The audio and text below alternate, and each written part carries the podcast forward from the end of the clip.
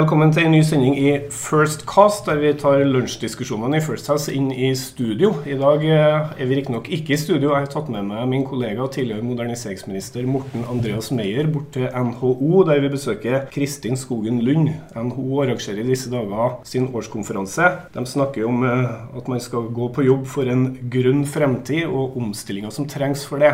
En annen eh, diskusjon om omstilling som har gått høyt hele siste året, det har handla om å gå fra særstilling til omstilling og, fokus på offentlig sektor, og hvordan det har gått med å effektivisere offentlig sektor. Og Morten, du har jo engasjert deg ganske kraftig og vært ganske kritisk til hvordan det står til med, med omstillinga i offentlig sektor. Hva, hva, er status for det sånn som det ser ut i dag?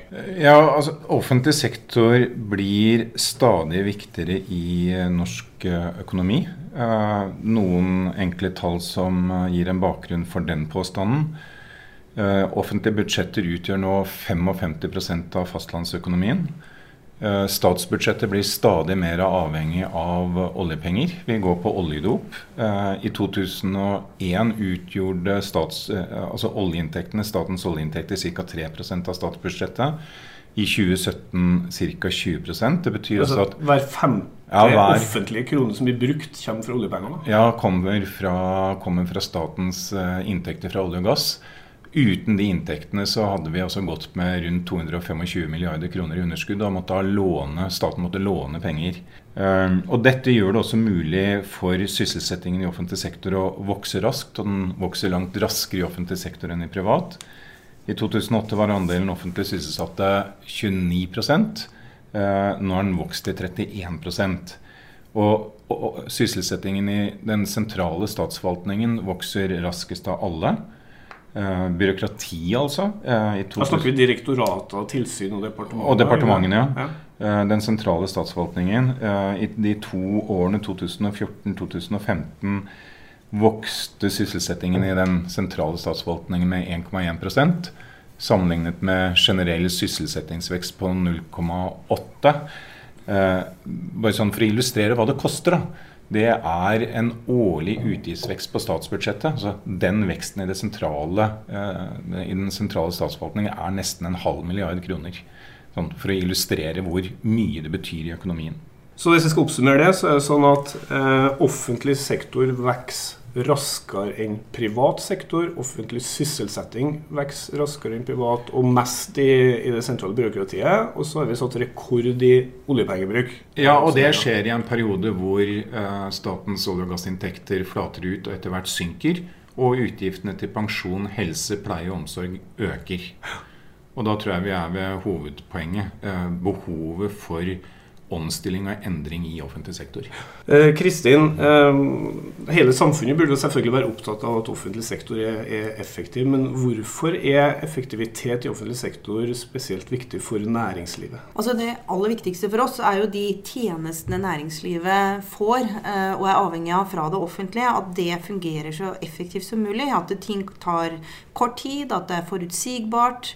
Eh, og at det gjøres med, med, med stor grad av profesjonalitet og, og, og, korrekthet og nøyaktighet. Det er det aller viktigste. Men næringslivet er jo også avhengig av at vi har denne balansen i samfunnet, og eh, at omstilling i privat sektor følges av omstilling i offentlig sektor. fordi det kan ikke være sånn at vi får to parallelle samfunn som har forskjellige regler for, for hvordan man skal tilpasse seg en ny virkelighet.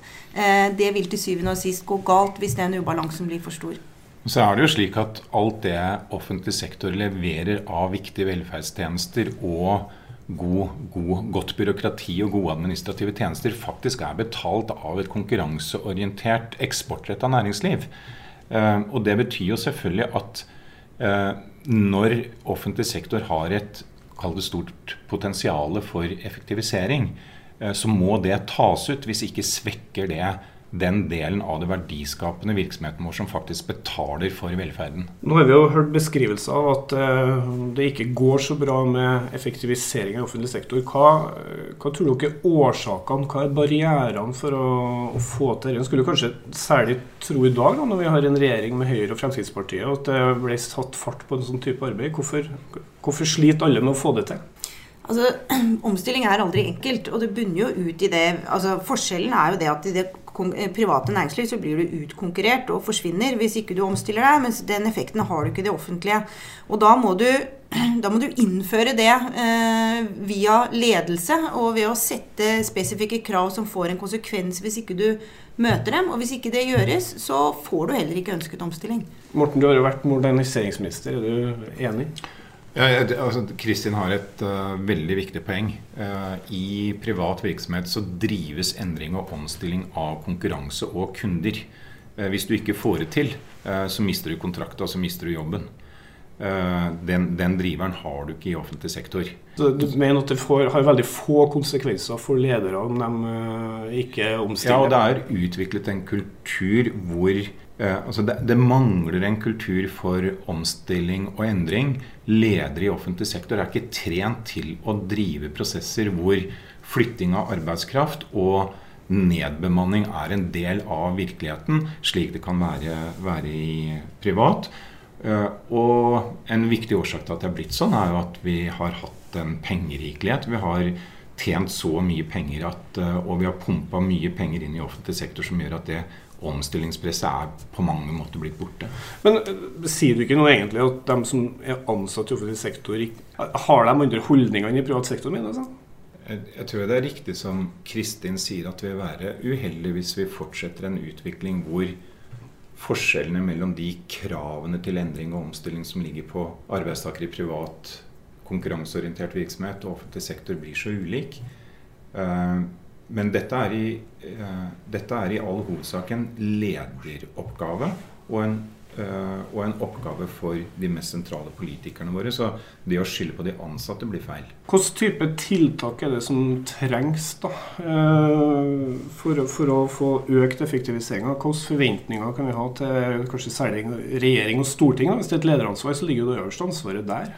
Jeg har lyst til å si at det er klart det skjer mye bra også i offentlig sektor. Men man ser f.eks. det er bare det nå at man skal kutte en halv prosent på driftsbudsjettene, som har vært en del av budsjettforliket de siste par gangene. Bare det vet jeg at har satt i gang mange prosesser som man ellers ikke ville hatt. For da får du et, sånt, et, et ytre pålegg som gjør at du må begynne å tenke annerledes. Det f.eks.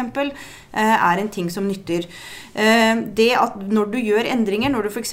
digitaliserer noe, og ergo tar bort mange manuelle prosesser, så må det faktisk få en konsekvens. Da kan du ikke bare digitalisere, men så skal, skal like mange holde på med det samme som før. Da har du ikke gjennomført endringen. Jeg tror en annen ting man må gjøre, er at, man, at offentlig sektor er ganske fragmentert. Sånn at du, ikke, at du av og til ikke lønner seg å ta en risiko på ett område fordi gevinsten dukker opp et annet sted. Og da får du bare kjeft hvis noe går galt med risikoen, men du har ikke noe utsikt til å få gevinst av det. Det er en annen det er en annen effekt. Og generelt så er det jo sånn at vi er veldig flinke til å kritisere alt som går galt. Og da blir man risikoavers, og så er vi ikke så flinke til å heie på de som får til endringer. Og da lønner det seg for lite å ta de tunge løftene som det er å drive gjennom disse endringene. Apropos få til endringer, Morten. Du nevnte jo noen eksempler tidligere her på, på virksomheter som er offentlige, som du mente kanskje var, go var gode forbilder. da, Lånekassen som et eksempel. Ja, Lånekassen tror jeg de har lov til å bruke som veldig godt eksempel. De har automatisert eh, veldig mye av virksomheten sin. Eh, jeg tror rundt 80% av søknadene i Lånekassen nå blir håndtert uten at det er en saksbehandler involvert i selve saksbehandlingen. Eh, innføringen av den nye teknologien ble ikke bevilget 100% over statsbudsjettet, men ble knyttet til at Lånekassen samtidig tok ned eh, driftskostnadene sine. Var med på å finansiere selv gjennom uttak av gevinster og nedbemanning de pengene som skulle til for å gjøre de teknologiinvesteringene. I Statistisk sentralbyrå har det skjedd noe av det samme. Eh, så det finnes jo ledere i offentlig sektor som har gjort uh, mye av de riktige tingene, men det er altfor lite av det. Noe av det som dukker opp i de politiske debattene eh, knytta til dette, det er jo at når høyresida snakker om omstilling, så er det egentlig en sånn fordekt angrep på rettighetene til arbeidstakere og osv. Man sier at det er arbeidstakerne som har betalt regninga fordi at uh, man, man, snakker om uh, omstilling. Hva tenker du om det?